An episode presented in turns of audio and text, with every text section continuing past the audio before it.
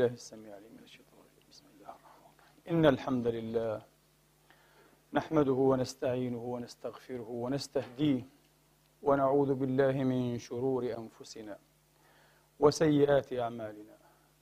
من يهده الله فلا مضل له ومن يضلل فلا هادي له. وأشهد أن لا إله إلا الله وحده لا شريك له ولا نظير له ولا مثال له. وأشهد أن سيدنا ونبينا وحبيبنا محمدا عبد الله ورسوله وصفوته من خلقه وأمينه على وحيه ونجيبه من عباده. صلى الله تعالى عليه وعلى آله الطيبين الطاهرين وصحابته المباركين الميامين وأتباعهم بإحسان إلى يوم الدين وسلم تسليما كثيرا. عباد الله أوصيكم ونفسي الخاطئة بتقوى الله العظيم ولزوم طاعته. كما أحذركم وأحذر نفسي من عصيانه سبحانه ومخالفة أمره. لقوله جل من قائل من عمل صالحا فلنفسه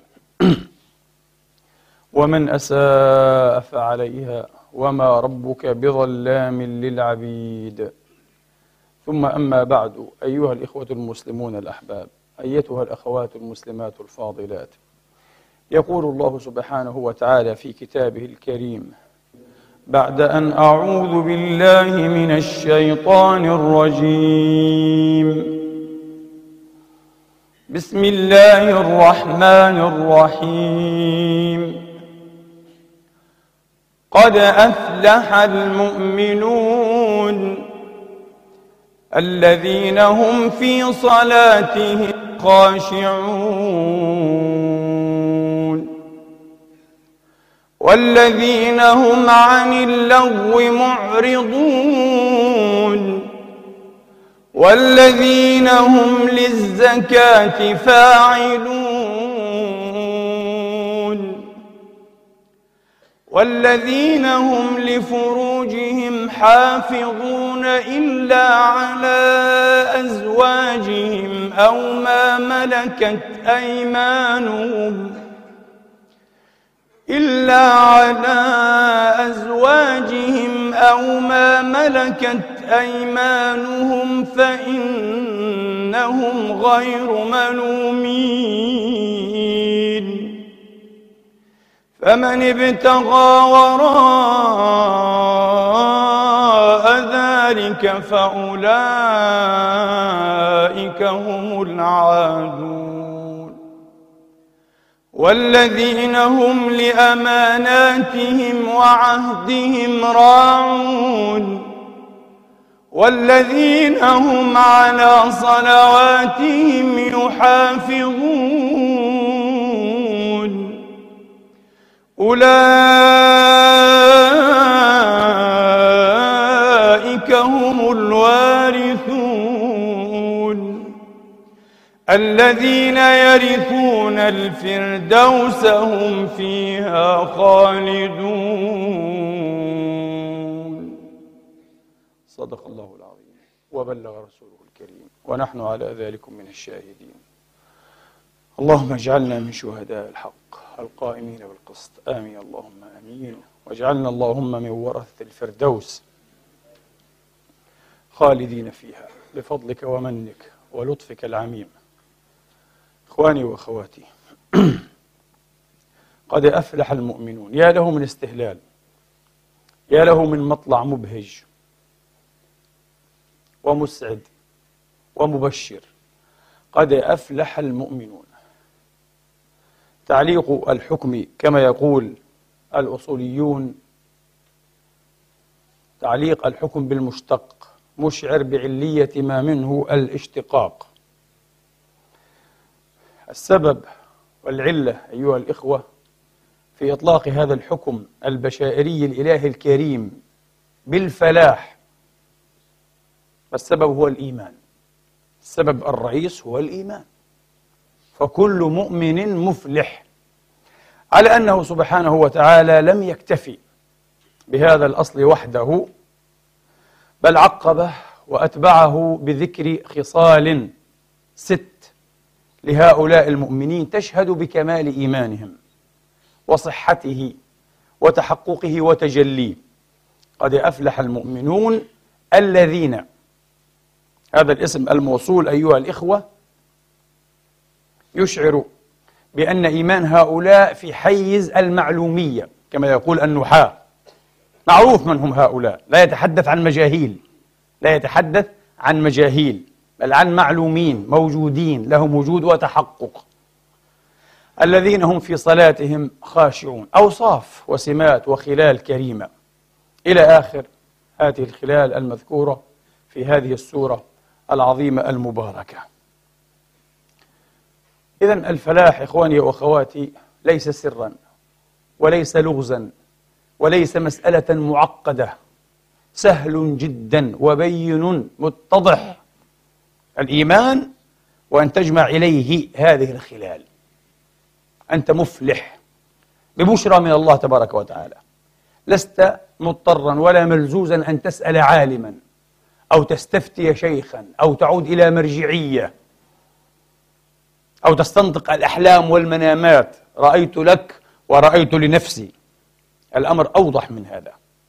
قد أفلح المؤمنون. من هم يا رب العالمين؟ يا رب العالمين هم هؤلاء. الذين بعد تحققهم بجوهر الإيمان تحلوا بهذه الخصال والخلال الكريمة الست.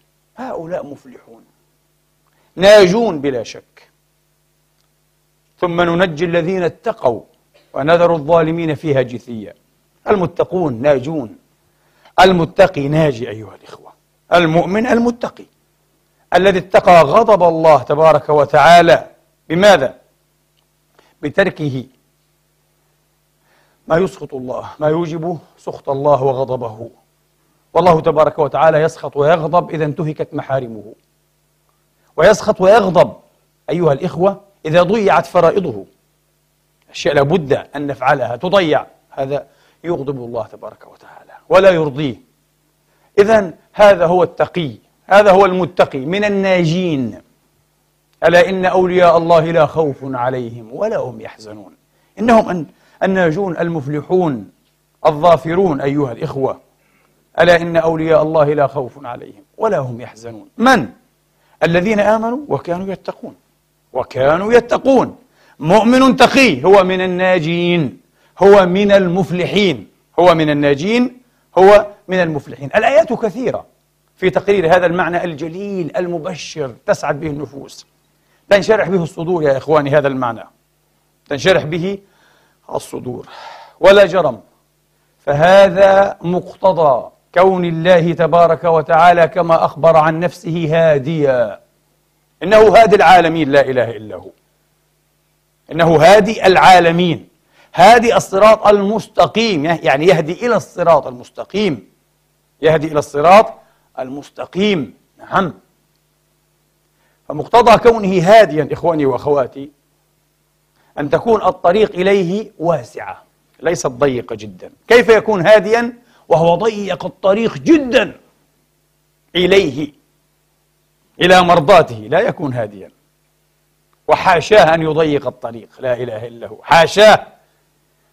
ستقولون لكن العلماء ضيقوا الطريق جدا أكثر من جدا هذه. كل علماء الفرق الإسلامية كل علماء الفرق لا استثني فرقة ضيقوا الطريق جدا. في نهاية المطاف أيها الإخوة علماء الفرق الإسلامية يوشك يوشك أن يحصروا النجاة أو الناجين فقط في أنفسهم وأتباعهم. الآخرون على خطر عظيم. مهما فعلوا مهما ظهرت منه منهم علائم أيها الإخوة التقوى والورع. لا لا لا. هو متقي لكنه مبتدع يذهب إلى الجحيم. لا شأن لنا به. لا نواكله لا نشاربه لا نماشيه لا نجالسه لا نترحم عليه لا نبش في وجهه لا نكلمه. عجيب. مسلم مؤمن. إيه مبتدع من أهل الأهواء. يذهب إلى الجحيم. كتب ألفت في هذا المعنى أيها الإخوة. وعقول نفوس سممت ولا تزال تسمم بهذه السموم القتالة بهذا السم الزحاف. تضييع أيها الإخوة لرحمة الله. توعير للطريق. تيئيس تقنيط للناس من رحمة الرحمن الرحيم لا إله إلا هو. مقتضى كونه هاديا لا إله إلا هو. أن يكون الصراط والسبيل والطريق إليه أيها الإخوة ناهجة لاحبة بينة واضحة ووسيعة ومستقيمة. أنت لا تسير في متاهة في لابرنت وعليك أن تعرف اللغز. الهداية ليست لغزا. الهداية ليست لغزا. الهداية ليست سرا مستغلقا. يؤخذ بالتنجيم وضرب الودع والرمل والحسابات والمنامات. لا لا لا لا. الهداية واضحة جدا. ليهلك من هلك عن بينة ويحيى من حي عن بينة. الله أزال أعذارنا وأبطل عللنا وأعذر من ذاته المقدسة لا إله إلا هو. رسلا مبشرين ومنذرين لئلا يكون للناس على الله حجة بعد الرسل. الله قال أنا أزلت أعذاركم أبطلت عللكم وأقمت عذري. أنا أعذرت من نفسي لا عذر لأحد منكم. ديني واضح كتابي واضح. ولا عذر لأحد أن يترك الكتاب الكريم الكلم الإلهي العلوي ثم يذهب يأخذ إيه؟ بكلام سين وعين من الناس. يضرب كلام الله بكلام بشر. والمشكلة إخواني وأخواتي أننا علمنا ودربنا ونشئنا وربينا وغذينا بتقديس البشر. يوشك أن أقول وأستغفر الله إن زل اللسان أو انزلق الجنان. إخواني وأخواتي يوشك أن أقول نحن لا نعرف أيها الإخوة أن نفرق بين عالم وصنم بين زعيم ووثن. الزعامة لدينا وثنية والأعلمية أو العلمية لدينا صنمية. لذلك نحن في حالة من الشرك الخفي من الشرك المختلط المختلط بالأوهام والظنون والأماني والأهواء والانحرافات. الباطنية والعياذ بالله تبارك وتعالى. لكن لو عدنا إلى المصادر وقرأنا بأعين مفتوحة وقلوب أيها الإخوة فقهة يقظى لعلمنا أن هؤلاء العلماء مع احترامنا لهم واعتبارنا بهم ولهم ورفعنا لمثابتهم واحتشامنا إياهم هم بشر من البشر. تبدر منهم منهم بوادر. أحيانا لا تخطر على بال الواحد منا. لا تخطر على بال الواحد منا. وفي رأس هؤلاء العلماء الأكارم أفضلهم وأكرمهم أصحاب رسول الله. رضي الله عنهم وصلى الله على رسوله وآله وسلم تسليما كثيرا. لقد حذرنا علماؤنا. انتبهوا. علماؤنا الأفاضل حذرونا. من أن نأخذ بأقوال الصحابة على علاتها خاصة أقوال بعضهم في بعض. عجيب. لماذا لا نأخذ بقول صحابي في صحابي؟ لأن علماءنا علموا أن هؤلاء الصحابة ليسوا أنبياء ولا رسلا أيها الإخوة. وأنهم تحملهم الحمية أحيانا والغضب على أن يفوه بكلمات وأشياء يحيدون بها عن مهيع العدالة والإنصاف في بعضهم البعض. إذا أردتم أن تقفوا على حقيقة قولي هذا. وللأسف نحن لم ندرب على أن نسمع هذه الحقائق على أنها حقائق للأسف الشديد. ليست أوهاما ولا بدعا حقائق ثابتة قارة. من أراد أن يقف على حقيقة هذا القول فليعد إلى كتاب إمام أهل السنة والجماعة في وقته. حافظ المغرب ابن عبد البر رضوان الله عليه في كتابه الماتع النافع الجامع قسم على مسمى جامع بيان العلم وفضله. جامع بيان العلم وفضله. أتى بالكثير الطيب المبارك الذي يدل على أن كلام الأكابر أحيانا لا يعتبر ولا يؤخذ بعضهم في بعض لأنهم بشر. أتى بأثر عن أم المؤمنين عائشة رضوان الله عليها. يبدو أنها قالته في حالة غضب أو مماراة قالت وما علم أنس بن مالك وأبي سعيد؟ ها بحديث رسول الله. قلت بيعلموا بيعرفوا شيء هذول؟ بيعرفوش حاجة هذول؟ عجيب. أنس لا يعرف أبو سعيد؟ فقد كان غلامين صغيرين تقول أم المؤمنين. أطفال صغار. يتكلموا في الدين وفي الحديث؟ حالة غضب شطبت عليهما. لا يؤخذ بهذا الكلام. والأمة لم تأخذ به. ابن عبد البر يقول لنا لا تأخذوا به. ابن عبد البر انتبهوا. لا تقولوا هذا شيعي أو كذا. ابن عبد البر إمام أهل السنة والجماعة. يقول تغضب فنطقت الآن بشيء ليس إيمال حق ليس حقا هذا. أن نبخس أنسا وأبا سعيد قيمتهما ونقول كانا صغيرين. على فكرة بين قوسين. على طريقتنا ونحن نعتقد أن عائشة كانت صغيرة والنبي دخل بها وهي بنت تسع سنين هي أصغر من أنس بن مالك. أنت تقولين هو كان صبيا صغيرا وأنت ماذا كنت؟ أنا شخصيا كعدنان أعتقد أنها لم تكن في هذا السن. فهمي المسألة أنها كانت وهذا الأثر يشهد أنها كانت أكبر. ترى أنسا صغيرا لأنها لم تكن في سنه كانت أكبر من أسن. لكن على ظواهر أيها الإخوة هذه الآثار آه، عائشة أصغر من أنس. لأن النبي بنى بها في السنة الأولى أيها الإخوة للهجرة وهي بنت تسع. أما أنس فميلاده في السنة العاشرة قبل الهجرة. يعني في السنة الأولى يكون إيه؟ ابن إحدى عشرة سنة. فهو أسم من عائشة رضوان الله عليهما بسنتين. فكيف تقول كان صبيا صغيرا؟ إذا هي كانت أسن منه وهذا الأرجح في نظري. هي كانت في حدود العشرين لم تكن بنت تسع سنوات. مسألة فيها خلاف على كل حال. هذه المسألة فيها خلاف. مثل هذا لا يؤخذ به. عادي لأنها بشر يا إخوان. ليست نبية ليست رسولة. ولا فلان ولا علان رضوان الله تعالى عليهم. يغضب الإنسان. لذلك لقد كان لكم في رسول الله. لم يقل أصحابه أسوة حسنة. في رسول الله. القدوة الكاملة الذي إذا رضي وإذا غضب لا يفوه ولا ينطق إلا بماذا؟ إلا بالحق. هو رسول الله. طبعا برضو بالمزدوجين أما أنه حين يغضب يلعن ويسب ويشتم كما في أحاديث صحيحة بين قوسين للأسف أيضا أقول وأنا شخصيا لا أعتقد هذا. أعتقد أن هذا دس عليه. وهذا يتناقض بشكل واضح مع أخلاقه التي أقسم بها المولى وإنك لعلى خلق عظيم. يقسم المولى عز وجل بأخلاقه وإنك لعلى خلق عظيم. وهو الذي يقول آه أنا لا أنطق إلا بالحق. وهو صاحب الدعوة المستجابة ومن دعائه أن يرزقه الله كلمة الحق في الرضا والغضب. اكتب ما خرج منه يقول والذي نفسي بيده عند أحمد والدارمي وغيرهما ما خرج منه إلا حق إلا الحق في رواية. لا يقال يغضب فإذا غضب سب ولعن ودعا. وشارط ربه أن يحيل هذا كله في حق من لا يستحق السب واللعن والدعاء رحمة وزكاة. أنا شخصيا لا أعبد الله بهذا الحديث. لا أعتقد أن نبينا الكامل المكمل المبجل كان بهذه المثابة. يعني تفرض أعصابه كما نقول بالعامية لا لم يكن كذلك. صلى الله عليه وآله كان حليما سيد الحلماء ولا تزيده شدة الجهل والسفة عليه إلا حلما وبذا أسلم حبر من أحبار اليهود. أسلم. استفز النبي.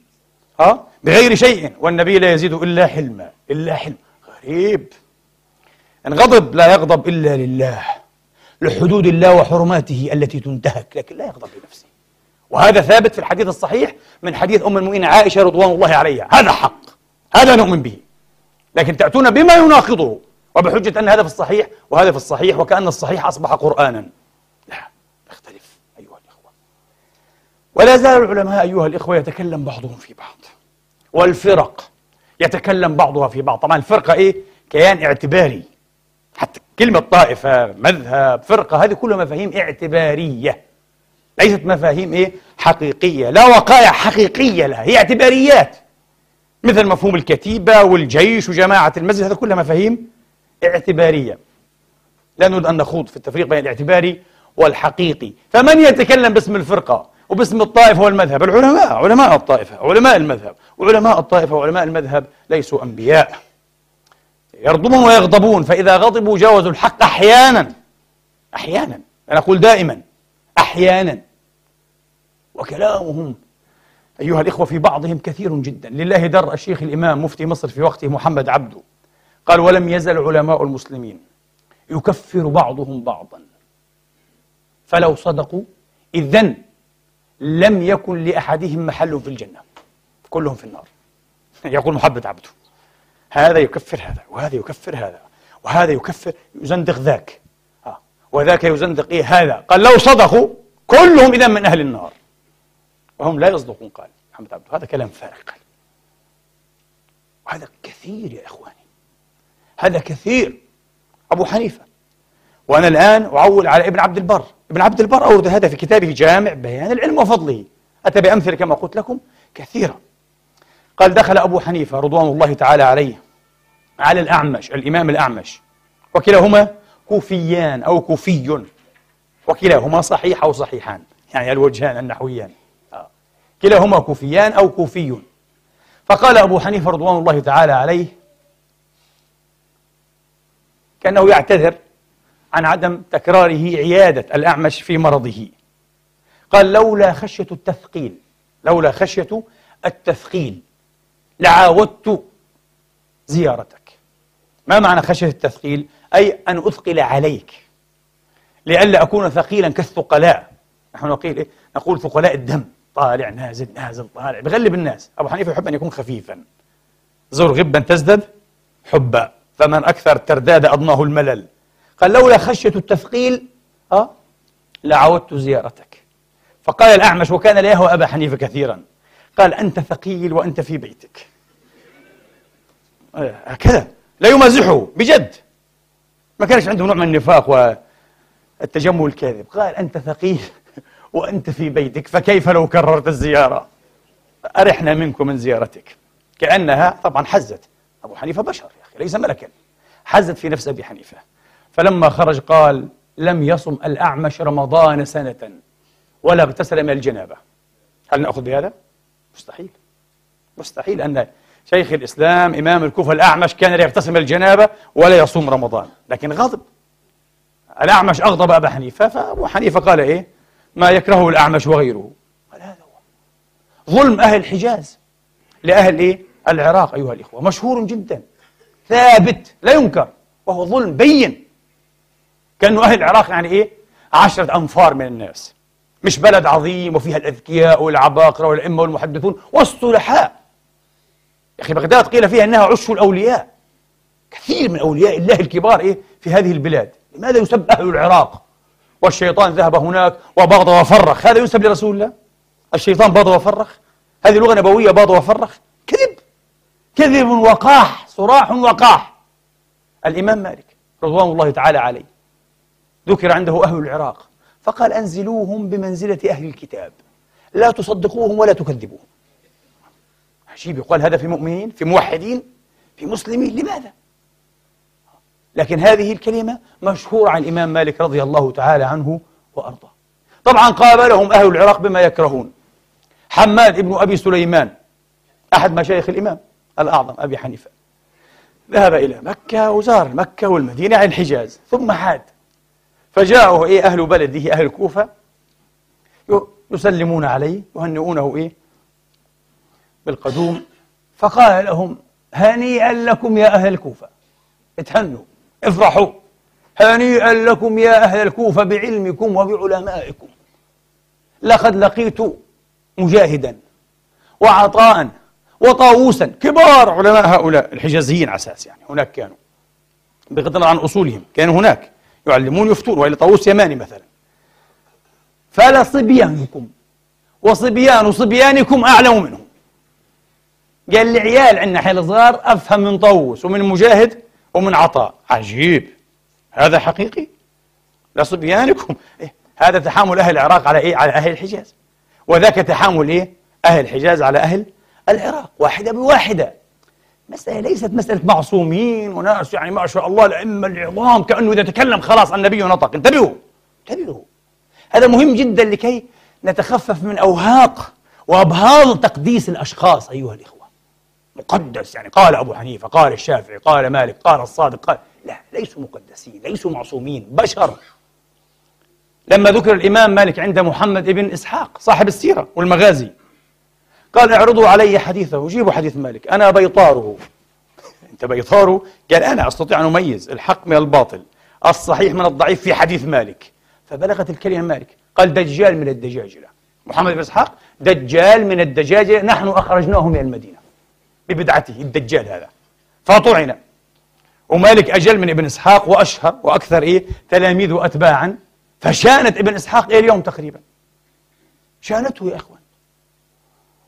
ذكرت لكم الأعمش وما كان منه في حق أبي حنيفة. الأعمش رضوان الله عليه يروي هو الحين راوي يقول ذكر إبراهيم النخعي من سادات أهل الكوفة هذا. آه. ذكر إبراهيم النخعي رضوان الله تعالى عليه عند الشعبي عامر بن شرحيل الشعبي إمام أهل الكوفة أيضا. ومن ساداتهم ونبلائهم. فقال لك الأعور. قال هذا الأعور الذي يستفتي بالليل ويجلس يفتي الناس بالنهار. قال واحد جاهل أصلا هذا هو مدعي. ليس عنده علم حقيقي. في الليل يأتي العلماء الكبار يستفتيهم. ما القول في هذه؟ ما القول في هذه؟ ما القول في هذه؟ ثم في النهار يلعب دور ماذا؟ المفتي الإمام الكبير. إبراهيم كان هكذا؟ مستحيل. إبراهيم من شيوخ الأئمة والعلماء الكبار. صاحب تصاون وديانة وعلم وسيع وعقل موفور رضوان الله عليه. قال لك الأعور يستفتي بالليل ويجلس يحدث الناس. يفتي الناس بالنهار. يفتي الناس بالنهار. فبلغت إبراهيم النخعي فقال الشعبي كذاب لم يسمع حرفا من مسروق ابن الأجدع الهمداني أبي عائشة قال كذاب. كل حديث سمعتموه من الشعبي أه؟ ينميه إلى مسروق أنه سمعه من مسروق فهو كذب. عجيب. تكذب إماما؟ إيه طب ما هو كذبني أيضا. وطعن في وفي صدقيتي. ابن عبد البر لم يرضى لا قول هذا ولا قول هذا. وقال الإمام إيه؟ الشعبي إمام من أمة الإسلام جليل في العلم والعمل والدين. معروف. ومثله لا ينزل عنه لا يقل عن إبراهيم النخعي. ولكن يقول عبد البر كأن الله كافأ الشعبي. طبعا طعن إبراهيم النخعي في الشعبي أوجع من طعن الشعبي في إبراهيم. يعني طعن الشعبي في إبراهيم أنه يتعلم. لسه ما زال يتعلم. ما في مشكلة يا أخي. كل عالم يتعلم. وقل رب زدني علما. يعني هذا لو أخذناها من غير تعصب. آه. يعني شهادة حتى إيه؟ لكن هو لم يرد أن أن تكون شهادة أراد أن تكون طعنا لذلك قال ذاك الأعور يسبه. ولا تنابزوا بالألقاب بئس الاسم الفسوق بعد الإيمان. ومن لم يتب فأولئك هم هنا ظلم. الإمام الشعبي ظلم نفسه. أن تلقب أخاك العالم الجليل بالأعور لا يجوز هذا في دين الله لكن هكذا. نفوس بشر هؤلاء. لا تتخيلهم أنبياء ورسلا. أبدا. حتى نتواضع أمام إيه؟ الحقيقة أيها الإخوة. لكن ماذا يقول عبد البر؟ قال كأن الله عز وجل كافأ الشعبي بقوله في الحارث الحارث الأعور الهمداني أيضا أحد تلاميذ الإمام علي عليه السلام من أخص تلاميذه وكان يحرص على إظهار حبه البالغ للإمام علي واستنانه بطريقته. قال الشعبي قال في الحارث الأعور قال حدثني الحارث وهو أحد الكذابين. قال ابن عبد البر ولم يبن من الحارث كذب وهذا هو الصحيح على فكرة. للأسف الآن القول المشهور لدينا نحن أهل السنة والجماعة أن الحارث هذا يعني لا يؤخذ به مجروح غير صحيح. الحارث ثقة ثقة. وقد ألف بعض العلماء العصريين آه، رسالة يدفع بها عن جناب إيه؟ الحارث رضوان الله عليه. رجل تقي عالم جليل. ذنبه أنه كان إيه؟ من شيعة إيه؟ علي مثلا؟ هذا ليس ذنبا يا أخي. لماذا يطعن؟ الشعبي طعنه. يقال إن أول من طعنه الشعبي. قال حدثني الحارث وهو أحد الكذابين. قال أبو عمر بن عبد البر ولم يبن من الحارث كذب. الرجل كان إيه؟ محبا لعلي يغالي في حبه لم يكن كذابا. لماذا تكذبه؟ تنسبه إلى الكذب لا يجوز. فجازاه الله وكافأه بمثل إيه؟ بمثل ذنبه. بعث عليه من؟ إبراهيم النخعي شيخ أهل الكوفة. يقول الشعبي كذاب. الشعبي كذاب. في روايته عن مسروق ابن الأجدع. هكذا. هؤلاء العلماء أيها الإخوة يختلفون. أحيانا كان هذا الاختلاف والخلاف لا يحملهم على أن يتنابذوا ولا أن ينبذ بعضهم بعضا إيه؟ بلقب لا يحبه ولا يرتضي. لا. كانوا أفضل من ذلك. كالذي يحكى عن خلاف الإمام أحمد رضوان الله عليه مع علي بن المديني شيخ البخاري من أجل شيوخ البخاري ومن أعظم علماء الدراية وهو عالم رواية. له كتب كثيرة جدا لم يصل منها إلا الأقل أيها الإخوة في الدراية علم المصطلح. إمام موعب علي بن المديني رحمة الله تعالى عليه. اختلف في الشهادة اختلف في الشهادة فتعالت أصواتهما. يقول الراوي حتى خشينا أن يقع بينهما جفاء. تصير جفوة يعني يتصارمان خشينا أن يتصارما يتقاطعا يتدابرا.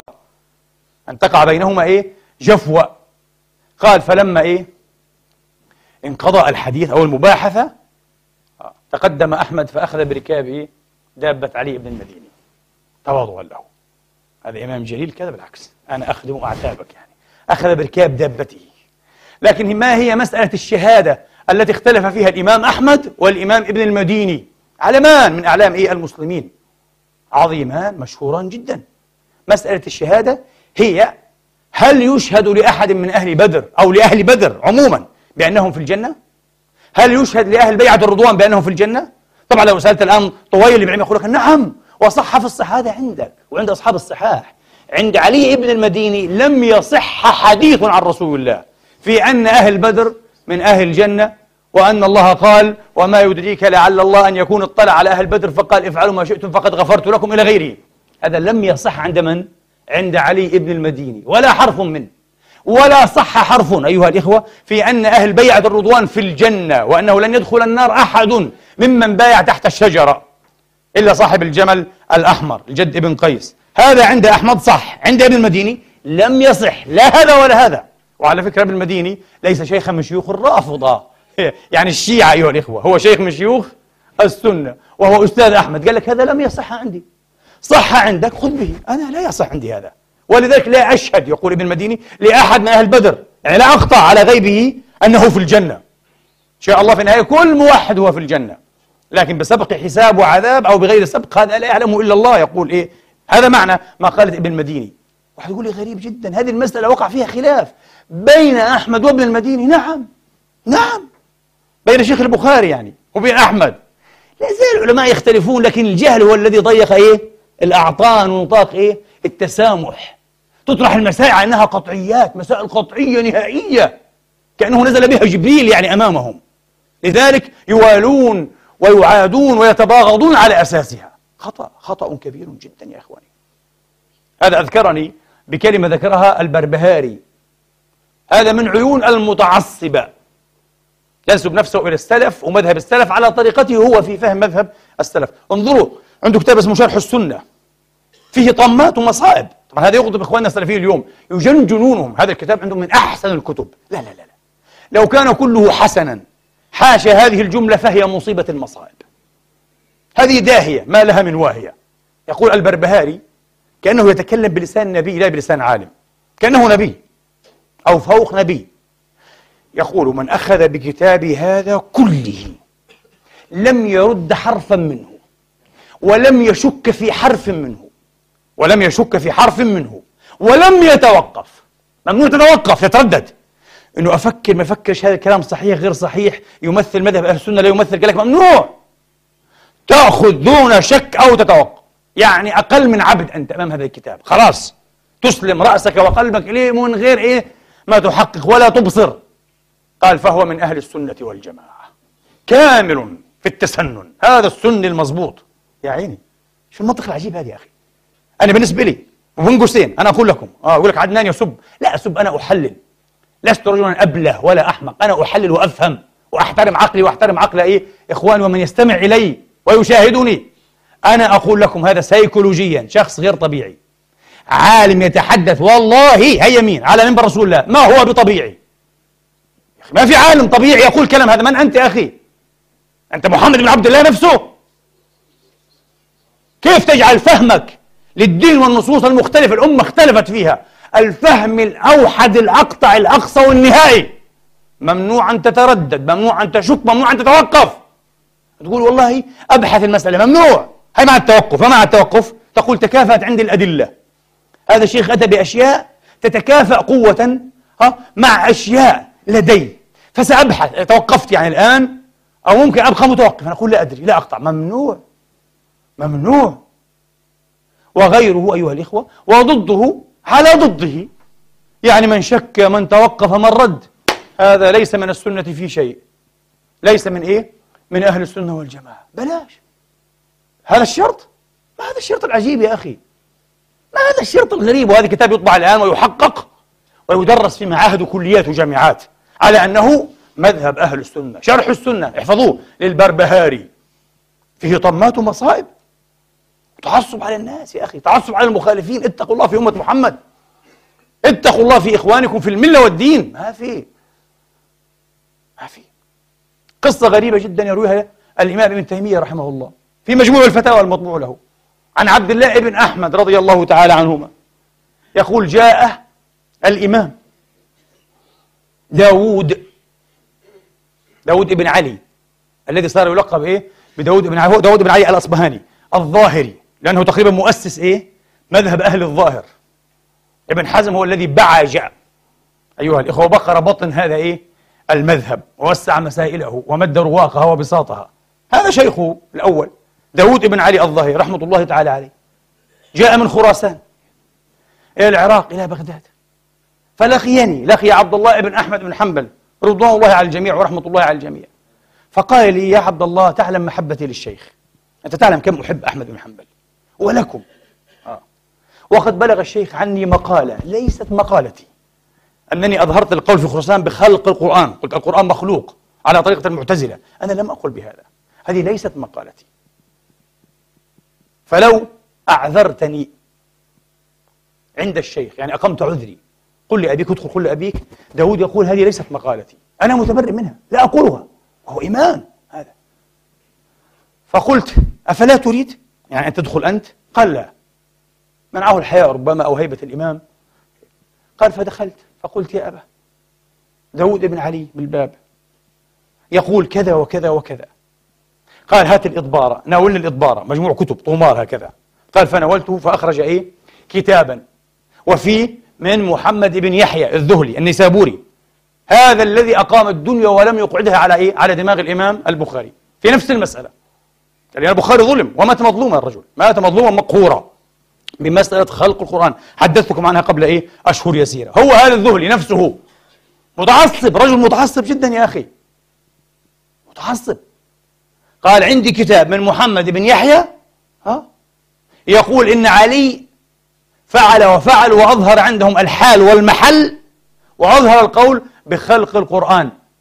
قال فهو يقول إنه لم يقله. قال أنت تأخذ لي كتب هي الرجل موجود وببابك.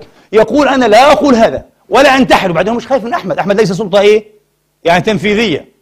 لا بيقدر يقطع رزقي ولا يقطع عنقي. أنا جاي ببرئ نفسي. أبرئ ونفسي. أقول لك أنا لم أقل هذا. ومن نقله عني معناها قد كذب. ولم يقل هذا لكن هذا معناه كذب علي يا أخي. فقال لا. لا أصدق هذا المبتدع الكاذب. محمد بن يحيى أصدق عندنا. ظلم. هذا ظلم والله ظلم. صح ولا لا؟ ظلم من أحمد رضي الله عنه وغفر الله له. يا أخي تصدق ما تصدق؟ الرجل ببابك وهو إمام لا يخشاك ولا يرغبك. ما عندوش رغبة ولا رهبة. صدقه قال لك لا. صاحب الكتاب بكتاب أصدق عندي من هذا. خلاص ولم يسمح له لا لم يأذن له حتى بلقائه في ظلم. فلا تقل لي أحمد أحمد كأنه نبي. نبي الإسلام أحمد بن حنبل المعصوم الذي لا يخطئ. أبدا. أحمد ذكرت لكم مرة رضوان الله عليه ظلم كثيرين ظلم العشرات من الأئمة والعلماء في مسألة خلق القرآن الكريم. حتى قال بعض علمائنا أيها الإخوة قالوا أحمد تعاطى وتعامل كأن مسألة خلق القرآن هي ثاني توحيد الله. كأنه لا إله إلا الله والقرآن إيه؟ كذا وكذا. لا نقول فيه كذا وكذا. إيش هذا جعلتها الأصل الثاني للتوحيد يعني؟ المسألة هذه؟ ابتليت بها ثبتك الله على مذهبك أهلا وسهلا. لكن لا تطعن كل من خالف وعنده حجة أو تأول أو دليل أو كذا. لابد أن نتفسح ما في هؤلاء علماء. يا إخواني كم سمعتم وكم تسمعون عن علماء كفروا؟ بعضهم قتل سيح دمه. وعلماء على فكرة في نفس النطاق يعني من أهل السنة والجماعة في نفس نطاقنا كثيرون جدا. منهم ابن تيمية رحمة الله عليه. ابن تيمية كفر وسجن عدة مرات ومات في سجنه واستتيب وعاد إلى الإسلام. يعني يفهمونه أن كلامك هذا كفر مروق من الدين. إذا لم تتب الآن تضرب عنقك. فكان يقول عدت إلى الدين. أشهد أن لا إله إلا الله محمد وأنا كذا كذا كذا. حتى ينجي نفسه. تلميذه الإمام المعروف ذائع الصيت ابن قيم الجوزية. تعرفون ابن القيم صاحب كتاب الروح وزاد المعاد وحاد الأرواح الكتب الكثيرة جدا. وإغاثة اللهفان. ابن قيم أو ابن قيم الجوزية على الأصح رحمة الله تعالى عليه الرجل كاد يهلك وتقطع عنقه في مسألة لا تقدم ولا تؤخر يا أخي مسألة مسائل الاجتهاد. أعني لا تقدم في مسائل الاعتقاد ليست مسألة عقدية. تابع فيها شيخه شيخ الإسلام ابن تيمية غفر الله للجميع. وهي مسألة أنه لا يجوز شد الرحال لغاية وبقصد زيارة قبر المصطفى صلوات الله عليه وتسليمته. قال لا يجوز. ابن تيمية هذا رأيه. خطأه جماهير العلماء. جماهير علماء أهل السنة وغير أهل السنة خطأوا. قالوا غير صحيح. يجوز شد الرحال لزيارة قبر النبي. ومن فعل هذا فهو مأجور. قال لا من فعله فهو مأثوم مأزور. أو موزور. مأثوم موزور. وهذا ألف هؤلاء ألفوا ورد ورد عليه إلى آخره. ابن القيم تقريبا يتابع شيخه في معظم المسائل. لم يخالفه إلا في مسائل يسيرات. فأتى إلى بلاد فلسطين. إلى خليل الرحمن وإلى نابلس وكذا. بعد أن أظهر توبته في الشام. قال أنا أتوب لا لا لا, لا أقول هذا لا أتابع شيخي. طبعا يقتل. في مسألة هذه تقتل؟ أي قال لك يقتل. تعصب. قال لك المسلمون لدينا تعصب. وكان لدينا وما زال لدينا تعصب. انتبهوا. لا تحاولوا أن تؤمثلوا تاريخكم. هذا لا لا يفيدنا. نجعل تاريخنا تاريخا مثاليا. الصحابة التابعون تابع كلهم مثاليون perfect كاملون لم يخطئوا. غير صحيح. ويأتي بعدين إيه ابنك؟ ابنتك تقرأ يسمع يشك. اتصل بي أحد طلاب العلم قبل أيام. قال يا شيخ أتعلم الآن لدينا بعض من يتنصر يصبح نصرانيا وبعضهم يظهر إلحاده. قال أنا قرأت إيه؟ شبهات. شبهات وإيرادات بعض هؤلاء. قال لي معظمها تدور على مسائل تاريخية. لم يقتنع فيها بأن هذا الذي تريدون أن تدخلوه في عقولنا بأنه الحق. قال هذا باطل يا أخي. تدافعون عن مبطلين وعن باطل. بالذات في قضايا أي معاوية والصحابة. تنصروا في السعودية. تنصروا أظهروا النصرانية. يقول لك بدناش الإسلام كله. يعني الإسلام أصبح يساوي يا جماعة هذه المسائل هذا الدين العظيم أصبح يساوي هذه المسائل التاريخية التي من لقي الله وذهنه خال منها بالكلية لم يسأله الله عنها لأنها ليست من أساس الإسلام ولا إيه أركان الإيمان. ليس مطلوبا من أي مسلم أن يعرف الحق كان مع من مع هذا ومع هذا في مسائل تاريخية وقعت بعد وفاة رسول الله بأربعين وخمسين سنة. لكن انتبهوا خلو الذهن منها أه؟ لا يساوي أن يشغل الذهن بها على وجه خاطئ بحيث تحرج مبادئ الإسلام. نبدأ ندافع عن الظلمة وعن الطواغيت ونتوضأ عليهم بعد أن نقرر أنهم فعلوا وفعلوا وفعلوا ورضي الله عنهم. هنا الأمور أصبح ليس لدينا ثبات قيمي أو قيمي. انتبهوا يعني تذبح وتهدر قيم الإسلام من أجل أن ندافع عن شخص معين. لا يجوز يا إخواني. هذا الذي صار يحمل الآن أبنائنا على أن يتنصروا وأن يكفروا وأن يلحدوا. اتقوا الله في الدين واتقوا الله في هذه الأمة. كلها واضحة. فنعود أيها الإخوة. ابن القيم رحمة الله عليه وغفر الله له أتى إلى فلسطين قال لا. لا يجوز أن تشد الرحال لزيارة قبر مصطفى. ممنوع. بدعة. أو غضب أهل فلسطين. أهل الخليل وأهل نابلس القدس. وكتبوا كتبا. إلى إيه؟ إلى دمشق. قالوا هذا العالم المبتدع يقول كذا وكذا وكذا. فروا فيه رأيكم روا فيه رأيكم. عاد إلى الشام مباشرة أيها الإخوة أدخل إلى المحكمة ابن القيم. جالس القضاء عاد خاصة المالكية وأحناف وشوافع آه. من هنا كلمة كذا؟ مباشرة حكم بكفره وقطع رقبته. قالوا يقتل الكافر هذا. ابن القيم كافر. علماء الإسلام. تقول علماء آه، ملاحدة أو علماء علماء الإسلام. ومن مذاهب أهل السنة شافعي ومالكي إيه؟ وحنفي. وكان أشدهم دائما المالكية معروف. الملكية للأسف لديهم فصل غير مشرف حيزعل من الملكية يقول ها وصل دورنا. آه الحقيقة. وصل دورنا. طبعا. الملكية لديهم فصل غير مشرف أيوه.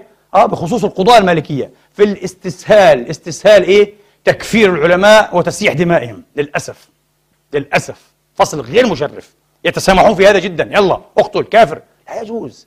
شيء مخيف خاصة علماء حق علماء وأئمة من أهل الله. لا يجوز يا أخي مسائل اجتهادية هذه مسائل اجتهادية. بالأمس يناقشنا أحد الصالحين قال لي كيف؟ أنا غير مقتنع بأنه إذا أخطأ فله أجر. ها؟ وإذا أصاب فله أجران. قلت له بالعكس هذا جميل جدا هذا أجمل من أجمل ما في ديننا. قال لي كيف؟ يخطئ. قلت له نعم يخطئ. ما المشكلة؟ قلت له لو أن النبي لم يعذر المخطئ أه؟ وقال المصيب له عشرة أجور كما في حديث عبد الله بن عمرو بن العاص عشرة أجور. أما المخطئ فموزور بوزر واحد لمات العقل ولذبل الاجتهاد. أه؟ أبدا. الأمة يقول لك أي عالم يبغي الآخرة وأنا أقول لك أنا إيش ما بديش أجتهد. فأبقى سالما. ليه أجتهد واحتمال أن أخطئ فلست معصوما. وارد جدا أن أخطئ. لست معصوما لست نبيا. فلماذا أجتهد؟ قال لي والله معقول. قلت طبعا. فالنبي أراد أن يحيي العقل وأن يشجع ملكة الاجتهاد وأعمال إيه؟ الرأي أيها الإخوة قال لا اجتهدوا اجتهد ما في مشكلة. على أصوله طبعا من أهله وفي محله. آه فإن أخطأت فلك أجر يا أخي. اعتبر ابن تيمية أخطأ في المسألة هذه وهي مسألة فرعية. ابن القيم أخطأ فله أجر. النبي يقول له أجر هم يقولون له سيف يقطع رقبته. انظروا انظروا. هل هذا دين محمد أم دين الفقهاء؟ هذا سؤالي بصراحة هكذا. النبي يقول له أجر. هم بيقولوا لا تقطع رأسه. أو يقطع رأسه. هذا ليس دين محمد هذا دينكم أنتم دين الفقهاء دين السلطة دين المؤسسة الكهنوتية. يا أخي هذا كهنوت هذا. هذا كهنوت قتل العلماء. والمسلسل المتواصل اليوم تعرفون ماذا يقول ابن شاكر الكتبي؟ رحمة الله عليه في عيون التواريخ. وعلى فكرة هو من المحبين لابن تيمية وابن القيم. المحبين لهم المشايع لهم. لكن هذا تاريخ.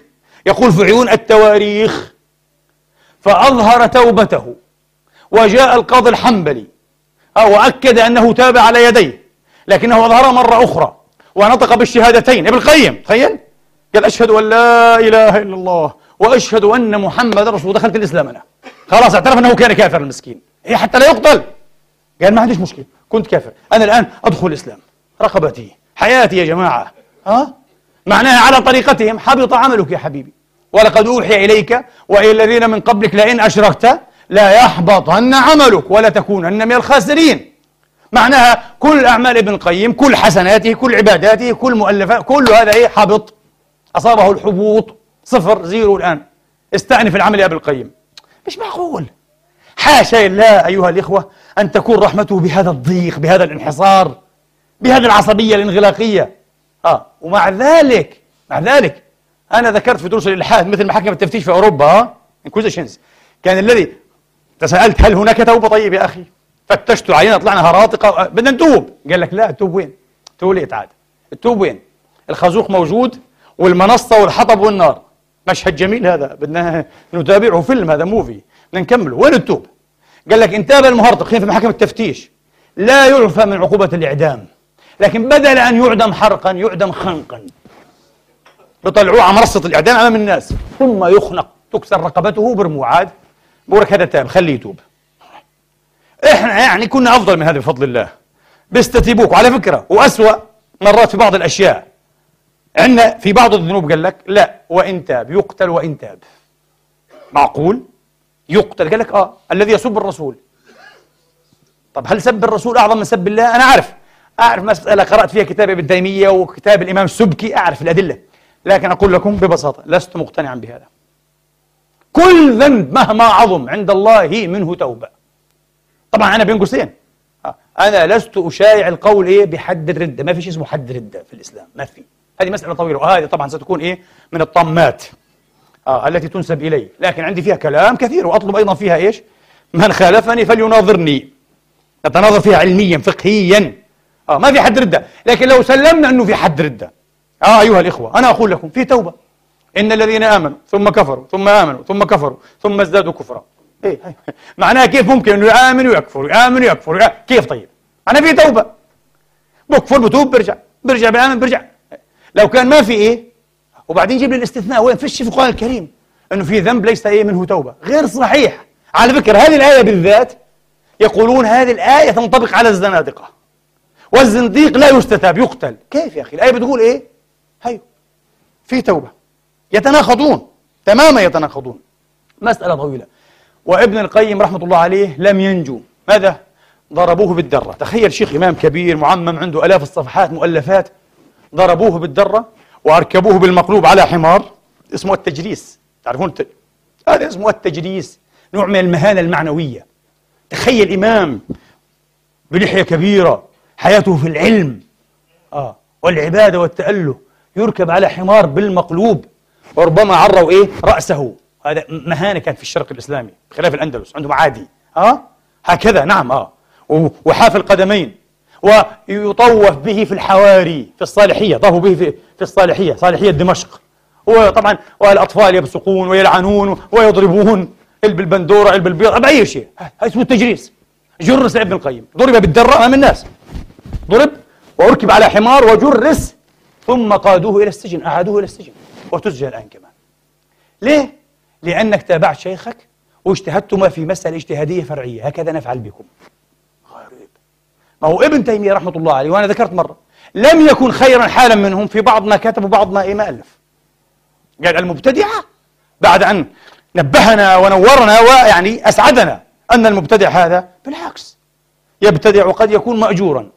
آه إن كان لديه شبهة تأويل أو اجتهاد قد يكون مأجورا. ولا ولا ولا. قال بس بعدين نمنعه الوظائف العامة لا نصلي خلفه نشهر به نفضحه بين الناس وإن لزم الأمر نقتله.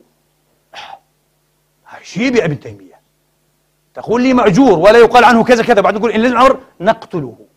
هذا طبق عليك وعلى تلامذتك. الكل يعاني من هذا الانغلاق. هذه العقلية الكل يعاني منها. الكل ضحية لها. أنا أقول لكم والله العظيم ما لم ننفك ونترك هذه الطريقة في التفكير كلنا سنكون ضحايا.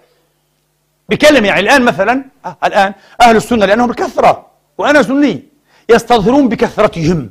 هذه الدول كلها سنية. هذه الملا... الملايين سنية. آه. يستظهرون إيه؟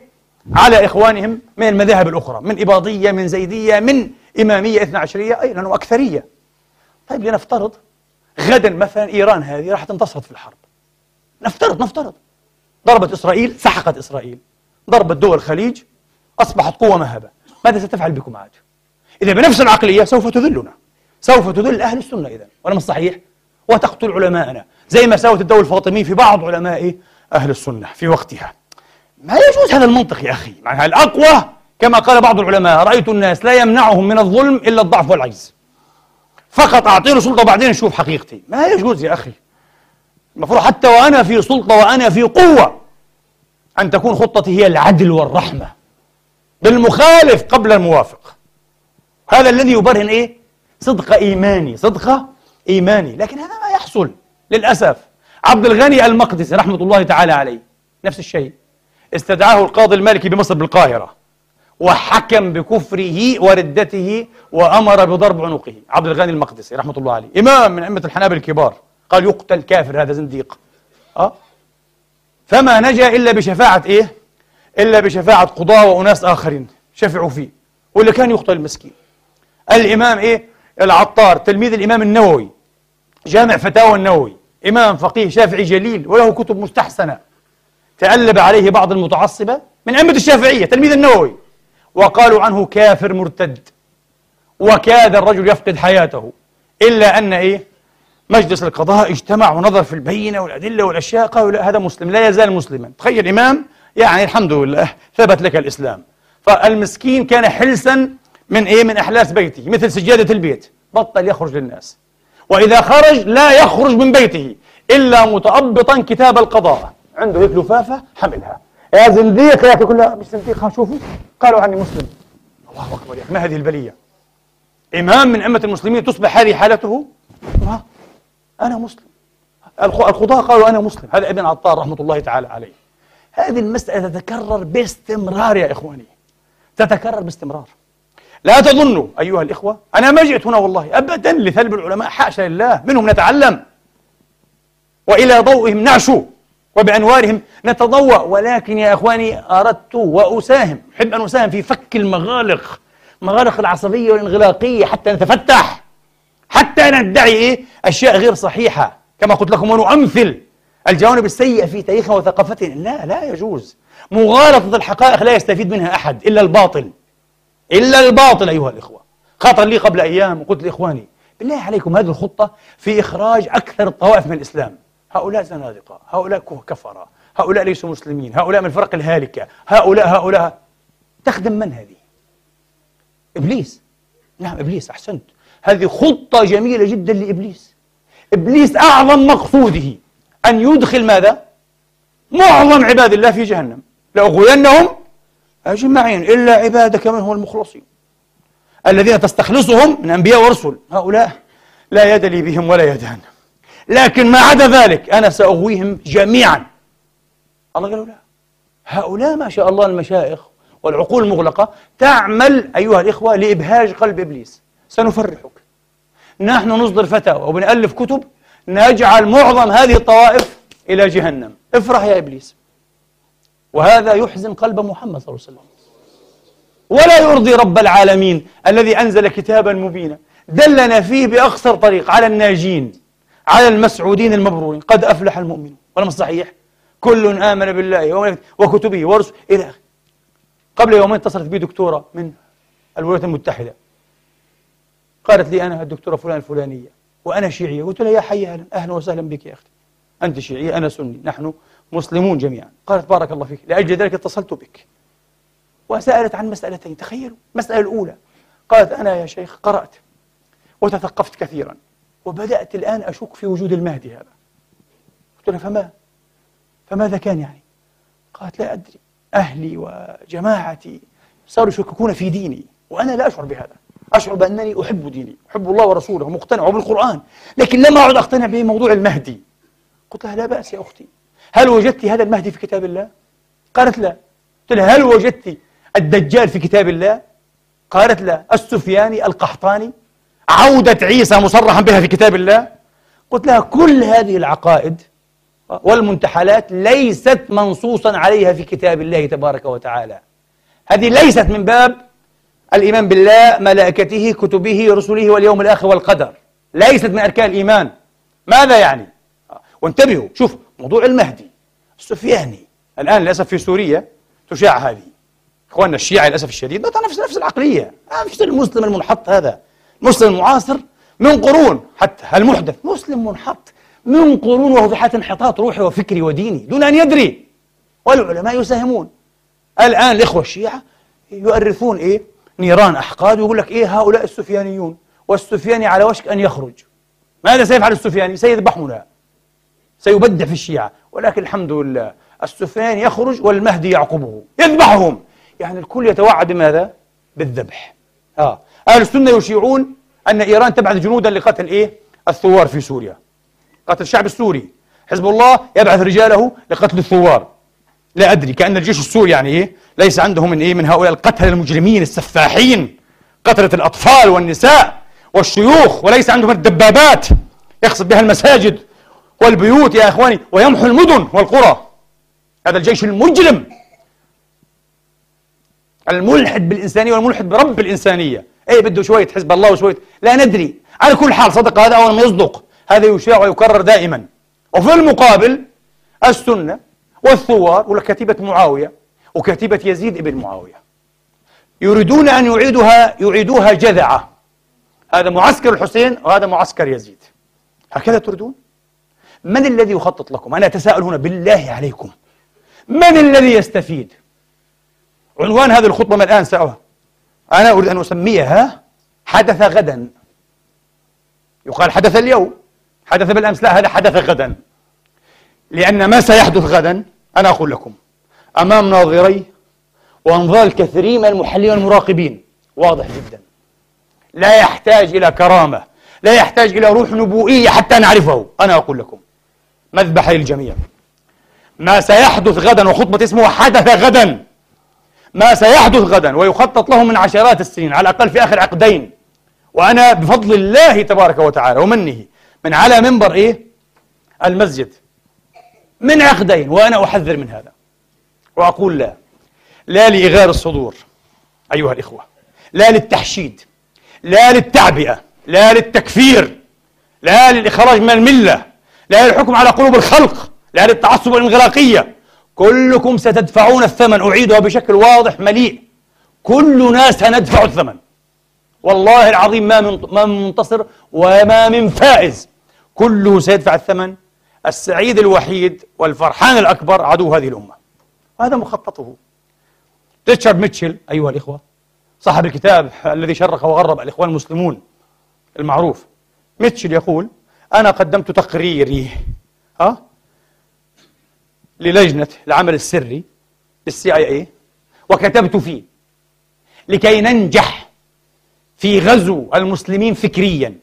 علينا أن نصطنع هذه الوسائل ومن ضمنها أيها الإخوة تعميق الفوارق الطائفية والمذهبية بين طوائف المسلمين. انفخ في النار انفخ. والنفخ شغال يا إخواني. لا أعجب من حاكم من رئيس أيها الإخوة أو حاكم أيا كان إيه نعته أو صفته للأسف يعمل على تنفيذ هذه الأجندة لأنه حاكم. ما معنى حاكم؟ يعني مش عنده مزرعة. مش عنده إقطاعية عنده دولة يلعب بها دولة كاملة يلعب بمقدراتها يلعب بشعبها. يعني قد يكون معذورا عند إيه؟ عند الأبالسة من أمثاله لأنه الإغراء كبير جدا جدا. تريد أن تبقى حاكما؟ نفذ الأجندة تبعتنا أعداء الأمة. افعل هيك يفعل. يعني أتفهم هذا من هذا الإبليس. لكن لا أتفهم أن يخب ويضع وأن يهرع إلى تنفيذ هذه الأجندات علماء دين ومشائخ باسم السنة وباسم الدين وباسم الطائفة والمذهب. لا أفهم هذا. لم أفهمه يوما ولا أفهمه ولن أفهمه حتى ألقى الله.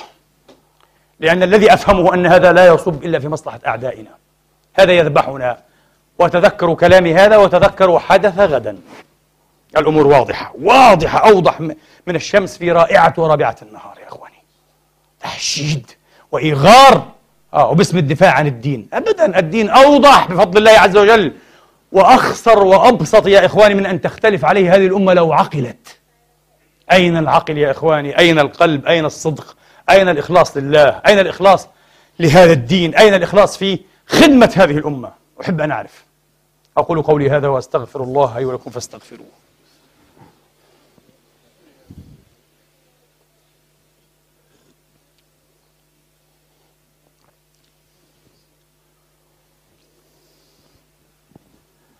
الحمد لله الحمد لله الذي يقبل التوبة عن عباده ويعفو عن السيئات ويعلم ما تفعلون ويستجيب الذين آمنوا وعملوا الصالحات ويزيدهم من فضله والكافرون لهم عذاب شديد وأشهد أن لا إله إلا الله وحده لا شريك له وأشهد أن محمدا عبده ورسوله صلى الله تعالى عليه وعلى آله وأصحابه وسلم تسليما كثيرا.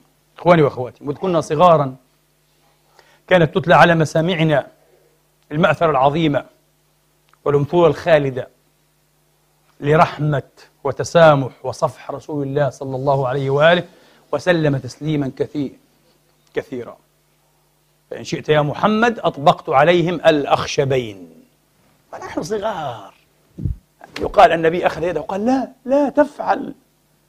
فإني أسأل الله أو أرجو أن يخرج الله من أصلابهم. من يقول لا إله إلا الله. شيء عظيم. هذا مئة في المئة إيه؟ يعكس روح محمد شخصية محمد. لكن سؤالي بالله عليكم هل نحن هل عكسنا وهل نعكس نحن هذه الروح؟ لا والله إلا من رحم الله. بالنسبة لغير المسلمين اللهم جمد الدم في عروقهم اللهم أدر عليهم دائرة السوء اللهم دمرهم تدميرا اللهم يتم نسائهم اللهم رمل نسائهم يتم أولادهم. مش ع... كل جمعة. وإذا ما تعملش هيك بشكوا فيك ليه هذا؟ متعاطف. إيه؟ مش بيقولوا إيه إنسان رحماني نبوي رسولي.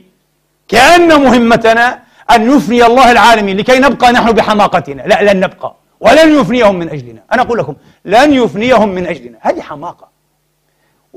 واتركنا من غير المسلمين ومع المسلمين نفس الشيء. اللهم عليك بالزيدية. اللهم عليك بالحوثيين عليك بالرافضة. عليك بالوهابيين. عليك بالصوفية المتزندقين. اللهم عليك بهم. اللهم اللهم. 24 ساعة. يدعو بعضهم على بعض.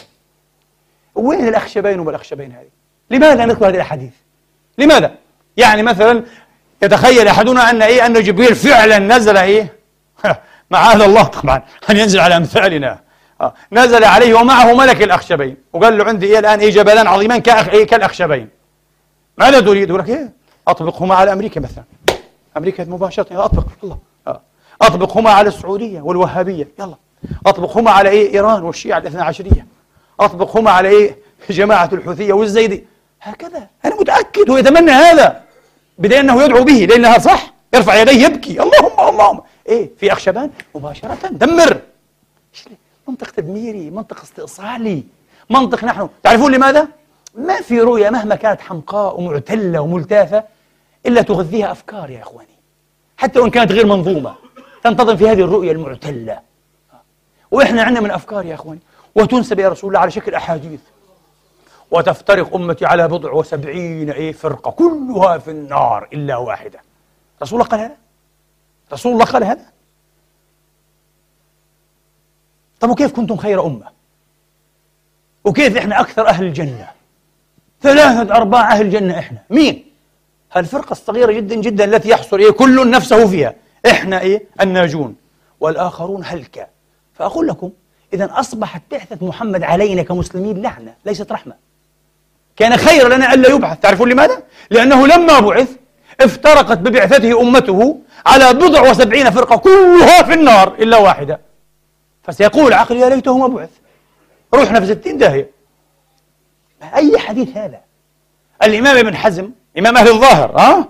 رحمة الله عليه أو محمد بن حزم بكل بساطة في كتابه الفصل في الأهواء والملل والنحل.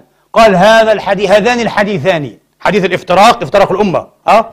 وحديث القدرية والمرجئة. مجوس هذه الأمة. قال لا يصحان أصلا أه؟ من جهة الإسناد. فلا يحل أن يحتج بهما أحد. هذا عند من يرى القول أي بحديث الأحد بحجية الأحد. فكيف عند من لا يرى حجية الأحد؟ يريد المتواتر. فكل كلام فارغ. ابن حزم شطب على هذا الحديث. قال لا تعبأ به. هذا حديث فارغ. وتفترق أمتي على كذا كلها في النار. بعض العلماء قالوا لا. لا نستطيع أن نقول أنه حديث موضوع ولا أصل له. الحديث مقبول إلى حد ما ولكن الجمل التي في نهايته غير صحيحة. ما هي؟ كلها في النار إلا واحدة. قال عنها العلامة محمد بن إبراهيم بن وزير اليمان الصنعاني صاحب العواصم والقواصم. قال رحمة الله تعالى عليه ولا يبعد أن تكون من دسيس الملاحدة. واحد ملحد زنديق دسها. الإمام الشوكاني بعده رحمة الله عليه بقرون ماذا قال؟ قال وقد جاد ظن وقد جاد ظن من ظن أنها من دسيس الملاحدة. اللي هو ابن, ابن الوزير قال ممتاز. ظنه في مكانه. ليش طيب؟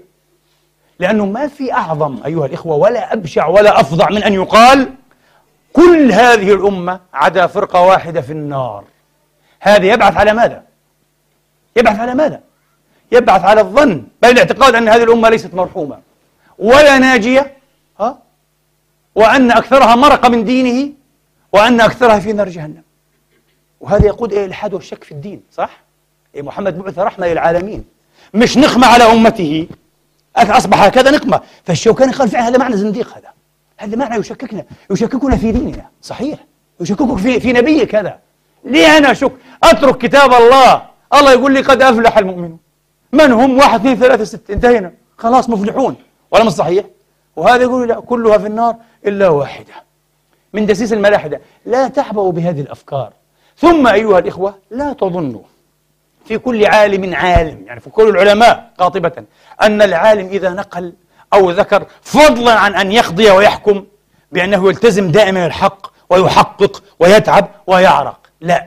أحيانا لا يفعلون وإما كبار لا أقول يفترون لكن لا يحققون. يتكلموا هكذا. الإمام ابن حجر العسقلاني رحمة الله تعالى عليه أعتقد في رفع الإصر آه.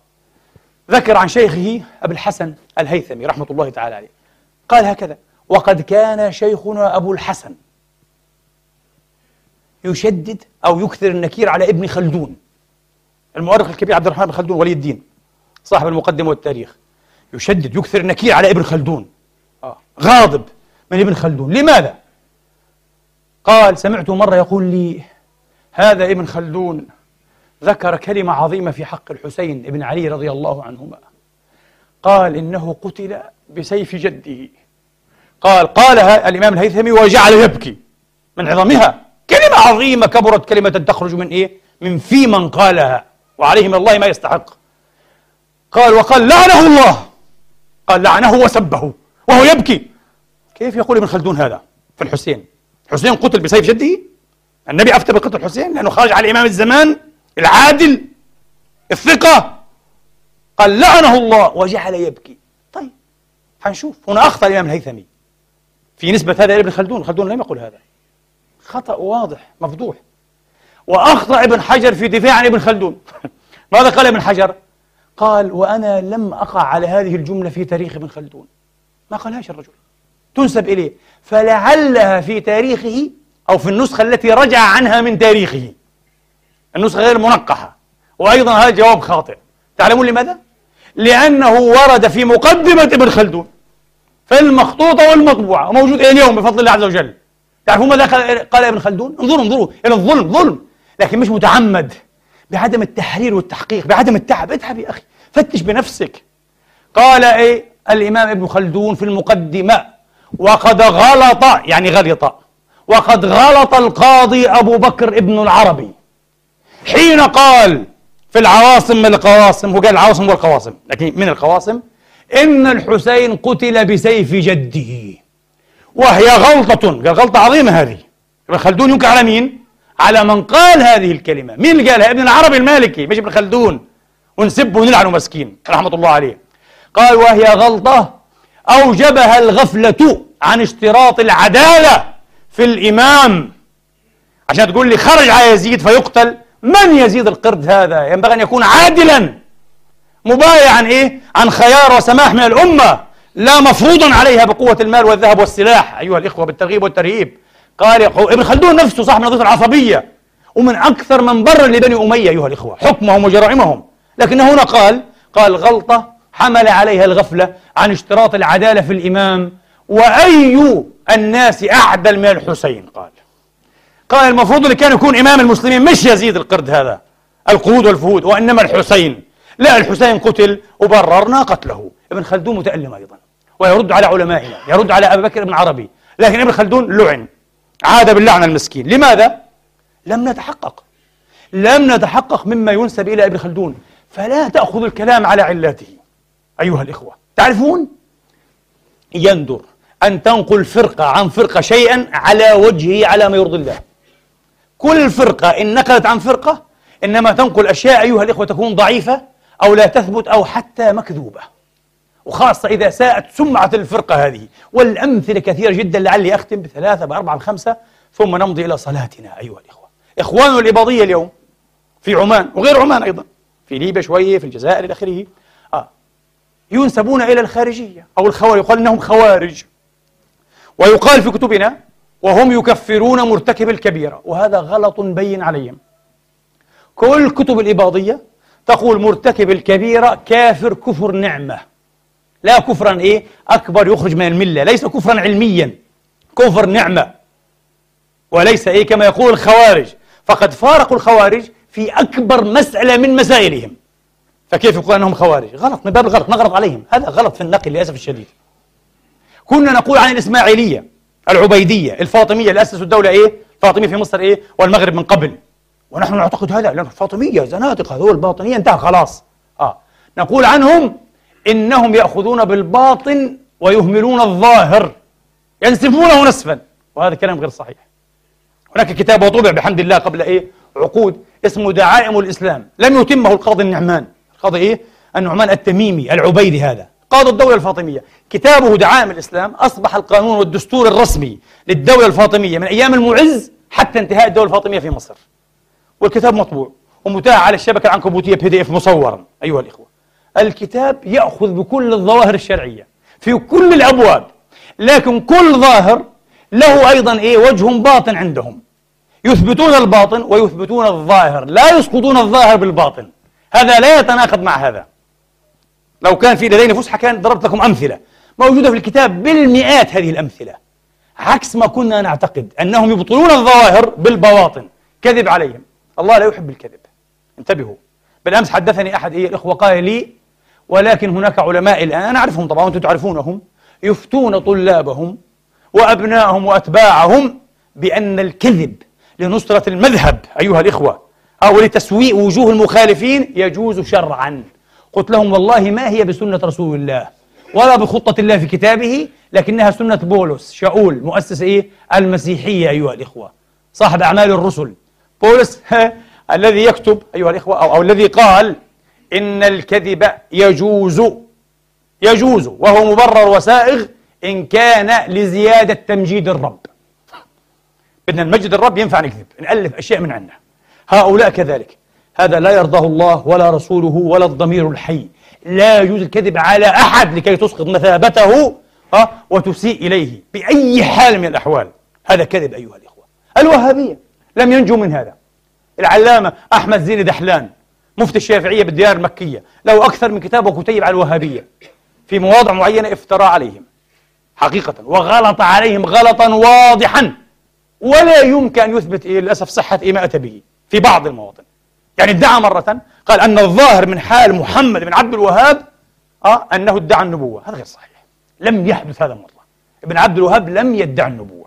قال وكان يكره اصطلاع على رسول الله وهذا غلط وكذب. وكان ينهى عنها ليلة الجمعة ويوم الجمعة. أين إثبات هذا؟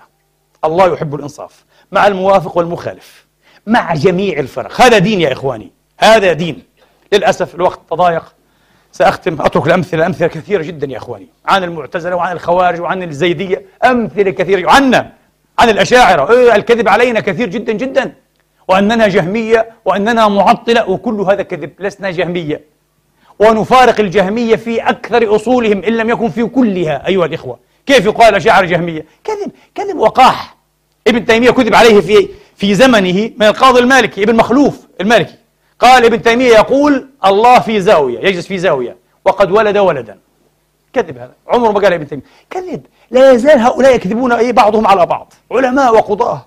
والله محنة عظيمة يا إخواني. محنة عظيمة جدا جدا. لم أكمل لكم قصة الأخت الإيه؟ الشيعية هذه. المهم أنا طمأنتها. آه. ثم ختمت. قالت طيب دكتور سني تقدم لخطبتي. هل أتى بالعكس أنا أنا شخصيا أحبذ هذا. أحبذ أن يتزوج السني شيعية والشيعي سنية. قالت لي من أجل ماذا؟ قلت لها حتى يعرف بعضنا بعضا عن قرب. وسوف ترى أنه مسلم مثلك إيه؟ مثله تماما. ليس ملحدا ليس زنديقا هذا السني. ويحب الدين ويحب أهل البيت. وكذلك لو حدث العكس تقترب الأمة بعيدا عن تهييج العلماء وتعبئة العلماء أيها الإخوة. أه؟ لابد أن نقترب. وفي النهاية لابد أن نقتصد في عرض ديننا. ديننا بسيط أيها الإخوة ومحصور.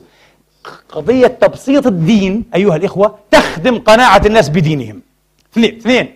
تخدم إمكانية تبرير الناس لاختياراتهم الدينية. ليش أنا مسلم؟ لأن المسألة بسيطة. واحد اثنين ثلاثة. سهل جدا جدا. قرآنيا لكن إذا أبيت إلا أن تضم إلى القرآن عشرة آلاف صفحة في علم الكلام والعقائد أنا أقول لك ستضطر معظم الناس على الإطلاق أن يسلموا مقاداتهم ورقابهم لمن؟ لمرجعياتهم وعلمائهم. وتستمر مسألة إيش؟ التعصب والغوغائية انتبهوا. أيوة. ومؤسسة الدين كهنوت تصير. لا لا لا. الدين بسيط. كل أحد يستطيع أن يعرف إيه أركانه وأن يبررها كما قلت لكم. ببساطة من كتاب الله تبارك وتعالى. دستور الهداية. دستور الهداية. ياما في ناس كفار. غير مسلمين. قرأ ترجمة للقرآن وأسلم دون أن يلتقي بأي شيخ. قال جميل واضح جدا. الله هو كذا كذا كذا. النبوات كذا. عقيدة واضحة. أنا اعتقدت بهذا. مسلم هذا. ولو مات يموت على الإيمان. ثم إن الله تبارك وتعالى لم يكلف أحدا. أن يتحقق من أحد بشيء خلاف الظاهر أو وراء الظاهر. قال تبارك وتعالى ولا تقولوا لمن ألقى إليكم السلام لست مؤمنة. لا مؤمنة. طب شفت غلط؟ مؤمنة. ليش؟ تبتغون عرض الحياة الدنيا. قال لا. طبعا لأنه قد يقول قائل لا. هذا قالها. هذه علامة الإسلام. ما يدريني أن الإيمان دخل قلبه. والله قال لك وش دخلك بالإيمان أنت؟ الإيمان أنا الذي يفتش عنه؟ ما في عندنا محاكم تفتيش. فقط أنت لك من أخيك أن يظهر الإسلام. هذا مسلم مثلنا مثله له ما لنا وعليه ما علينا. ولا تقول لمن ألقى إليكم السلام لست مؤمنا. عجيب. كان الأولى قد يقول قائل أن يقول لست مسلما. آه لا لست مؤمنا لأنه نفي الإسلام مستحيل هنا. هو قال لك أشهد أن لا مسلم. فأنت إيه تقول إيه؟ سأنفي إيمانه لكي أذبحه وأخذ إيه غنيماته كما فعل بعض الصحابة. وعتب الله عليهم عتبا شديدا. اترك الإيمان لله اترك الإيمان لله وعليك بظاهر الإسلام. اللهم إنا نسألك بأسمائك الحسنى وصفاتك العلى وكلماتك التامة ونسألك بعزك وقدسك وجلالك وبهائك وجمالك أن توحد هذه الأمة. اللهم اجمع شمل أمة محمد صلى الله عليه وآله وأصحابه وسلم تسليما كثيرا على ما تحبه وترضاه من الهدى والورع والعمل والإحسان والتقى. برحمتك يا أرحم الراحمين. اللهم جنبهم الفتن ما ظهر منها وما بطن والإحن والبلايا والمحن. برحمتك يا أرحم الراحمين. أصلح أحوالهم ولم شعثهم. ووحدهم من فرقة. اللهم إنا نسألك أن تهدينا وتهدي بنا وأن تصلحنا وتصلح بنا. اللهم اغفر لنا ولوالدينا وللمسلمين والمسلمات المؤمنين والمؤمنات الأحياء منهم والأموات بفضلك ورحمتك إنك سميع قريب مجيب الدعوات برحمتك يا أرحم الراحمين عباد الله إن الله يأمر بالعدل والإحسان وإيتاء ذي القربى وينهى عن الفحشاء والمنكر والبغي يعظكم لعلكم تذكرون وأقم الصلاة